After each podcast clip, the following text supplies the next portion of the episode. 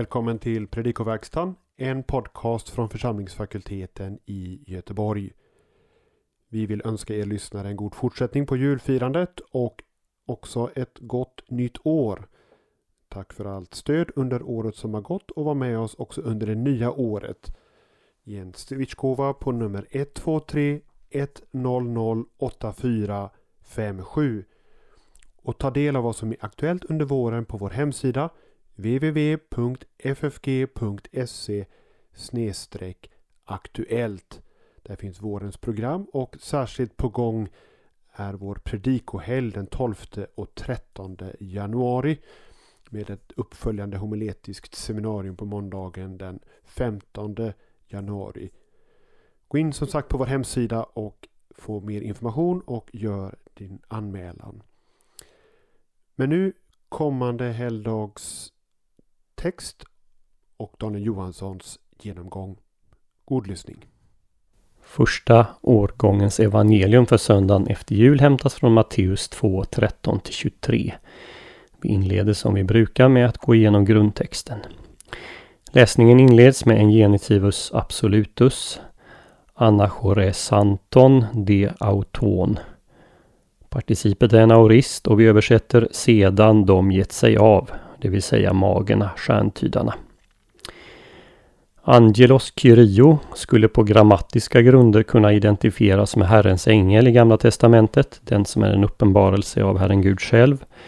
Men varken här eller i Matteus 1.20 eller i 2.19 finns något som pekar på att det skulle vara en uppenbarelseform av Gud själv.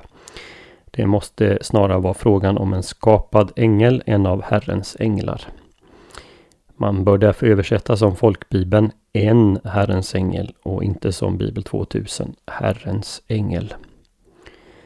Notera också att Matteus här använder historisk presens fainetai. Visa sig. Historisk presens eh, är vanlig hos evangelisten Markus men däremot ganska ovanlig hos Matteus om man undantar användningen av verbet lego, tala, i samband med direkt tal. Kanske därför Matteus vill understryka att en Herrens ängel verkligen visade sig för Josef. Det är för övrigt på samma sätt när ängeln på nytt visar sig för Josef i vers 19. Uttrycket topaidion kaiten metera auto, barnet och dess moder, förekommer hela fyra gånger i vår text. Här i vers 14, i 20 och 21. Varken Jesus eller Maria nämns vid namn i avsnittet. Infinitiven to apolesai i slutet på versen uttrycker syfte för att förgöra det. Så går vi till vers 14. Där står nyktos, natt i genitiv. Och det är så att på grekiska uttrycks tidpunkt med genitiv. Lägg märke till hur allt skedde på natten. Drömmen, Josef stod upp, tog barnet och dess mor och begav sig av. Det saknades verkligen inte handlingskraft hos Josef. I vers 15 stöter vi på hinna, plerothe. Det uttrycker syfte för att det skulle uppfyllas. Tre gånger citeras Gamla Testamentet i vår text, men citaten inleds inte på samma sätt. I vers 17 står det Totte eplerothe, då uppfylldes. Och i vers 23 Hopos plerothe, så att det skulle uppfyllas. Hinna eller hopos plerothe är Matteus vanliga sätt att introducera ett GT-citat. Bara här i vers 17 och i 27.9 som gäller Judas används totte eplo, eh, eplerothe. Och det är en viktig nyansskillnad. Matteus säger inte att det var Guds syfte att barnen i Betlehem med omnejd skulle dödas. Vi går tillbaka till vers 15. Eh, to profeto legontos. Det är en konstruktion som innehåller ett particip och ett substantiv och båda i genitiv. Men det är inte frågan om en genitivus absolutus här. Här är det en vanlig adverbiell användning av participet men eftersom dess huvudord på grund av prepositionen dia står i genitiv så måste också participet göra det. Vi översätter alltså genom profeten sägande, alltså genom profeten när han sa det. Det är på samma sätt i slutet av vers 17. Ehm, vi går till vers 16 och där möter vi verbet enepaichthe som är aorist passivum av empaitso. Det har grundbetydelsen skämta, håna och det används i den meningen i Matteus 27, vers 29 och 31. Kanske betydelsen här i kapitel 2 därför inte bara är att bli lurad utan att det också finns en nyans av att göras till åtlöje. Genom att magerna inte dök upp hos Herodes så hade kungen blivit gjord till åtlöje. Kataton kronon hon ekribosen paraton magon enligt tiden vilken han med precision tagit reda på från magerna, står det. Satsen tyder på att magerna sett stjärnan för första gången cirka två år innan händelserna som berättas.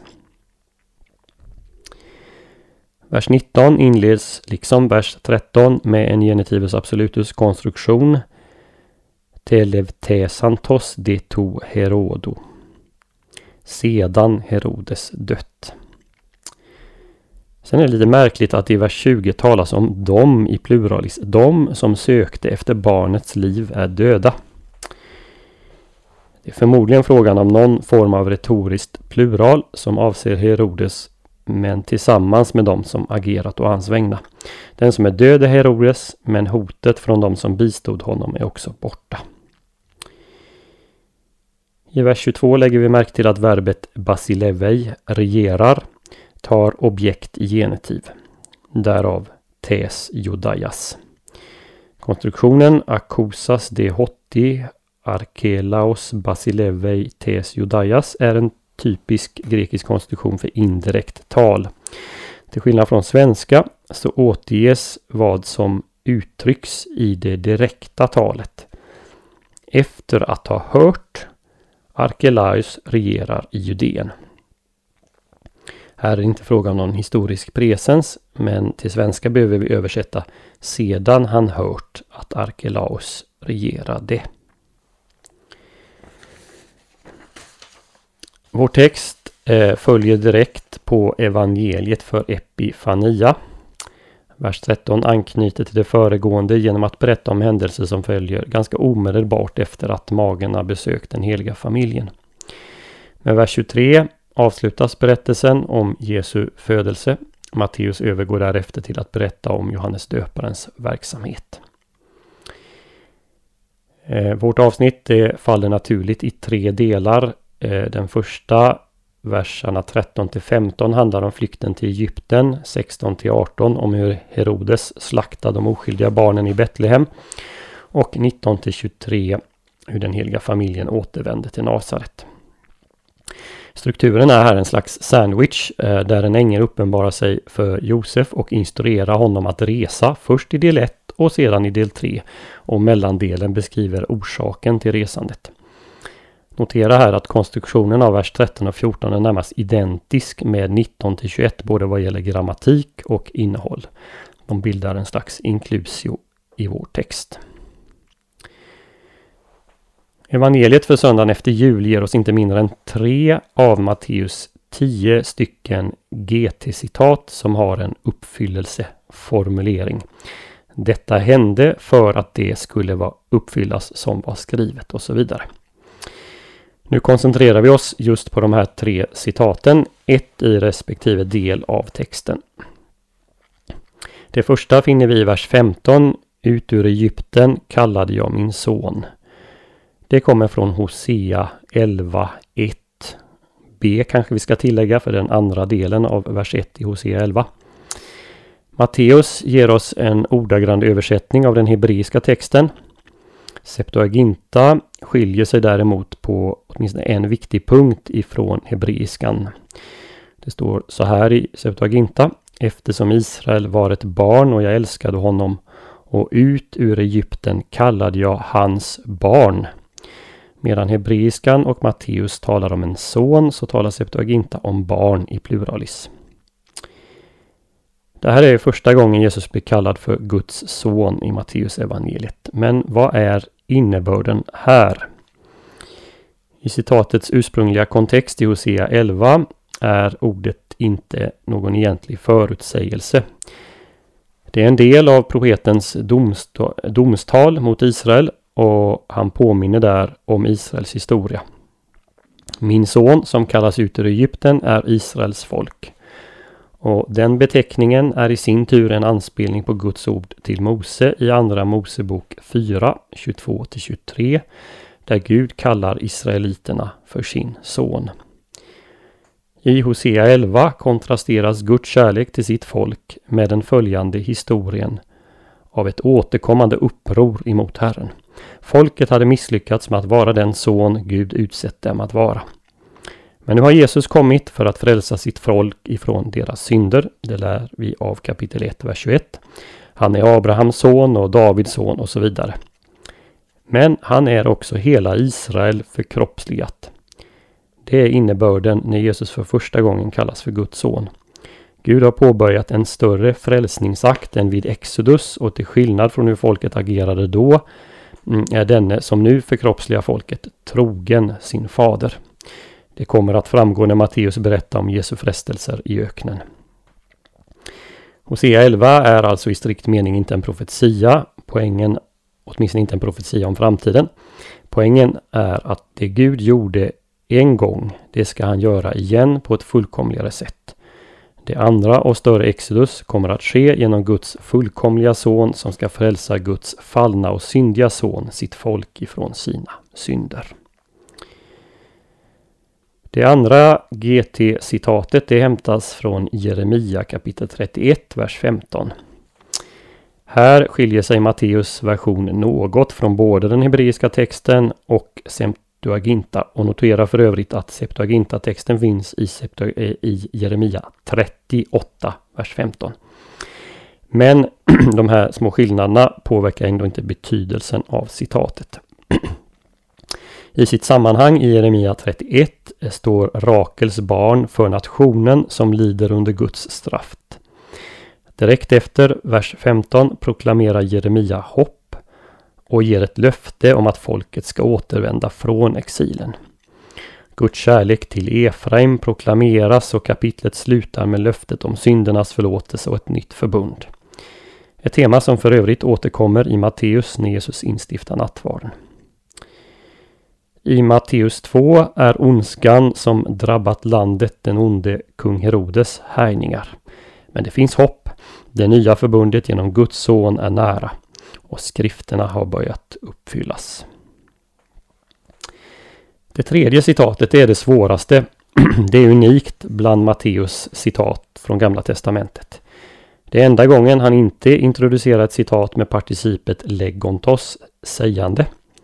Det är bara här det talas om profeter i pluralis. Det är bara här han använder hotti, ty eller för. Och kanske allra viktigast, det är bara här det är oklart vilken eller vilka gammaltestamentliga texter som egentligen åsyftas. Här har det föreslagits ett antal olika lösningar. Eh, några tänker att Nazaré skulle vara en ordlek och anspela på Nasir. Eh, I så fall så skulle enligt instruktionen angående nasirer i fjärde Mosebok kapitel 6 Matteus lyfta fram att Jesus likt en Simson var avskild för Herren. Ett annat förslag på lösning enligt samma linje är att Nazare skulle anspela på det hebreiska ordet netzer, telning eller skott. Denna lösningen har fördelen att den anspelar på den messianska profetian i Jesaja 11.1 och på andra ställen som talar om Messias som en telning. Vi stöter på sådana i Jesaja 4.2, Jeremia 23.5 och 33.15, Sakarja 3.8 och 6.12. Problemet med dessa båda lösningar är att de förutsätter kunskap i hebreiska.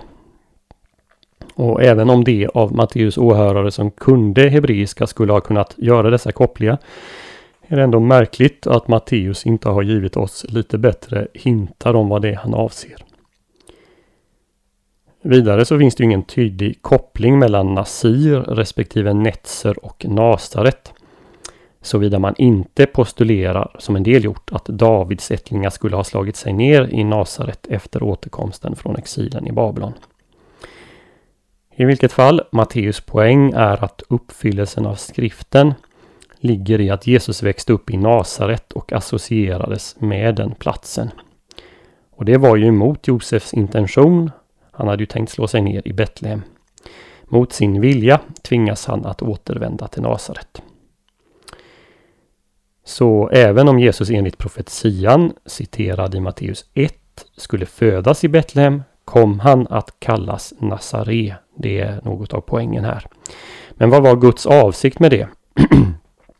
ja, om vi ser på de konsekvenser det fick för Jesus så hörde associationen med Nasaret till hans förnedring.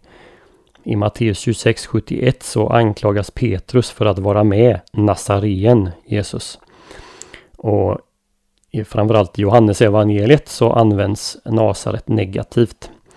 Eh, det kan man se i Johannes 1.46 och i 7.40 till 44 och 52.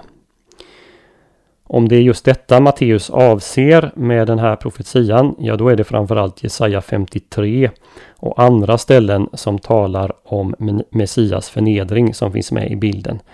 Vi kan tänka på Saltaren 22 och Sakarja kapitel 9, 11 och 12.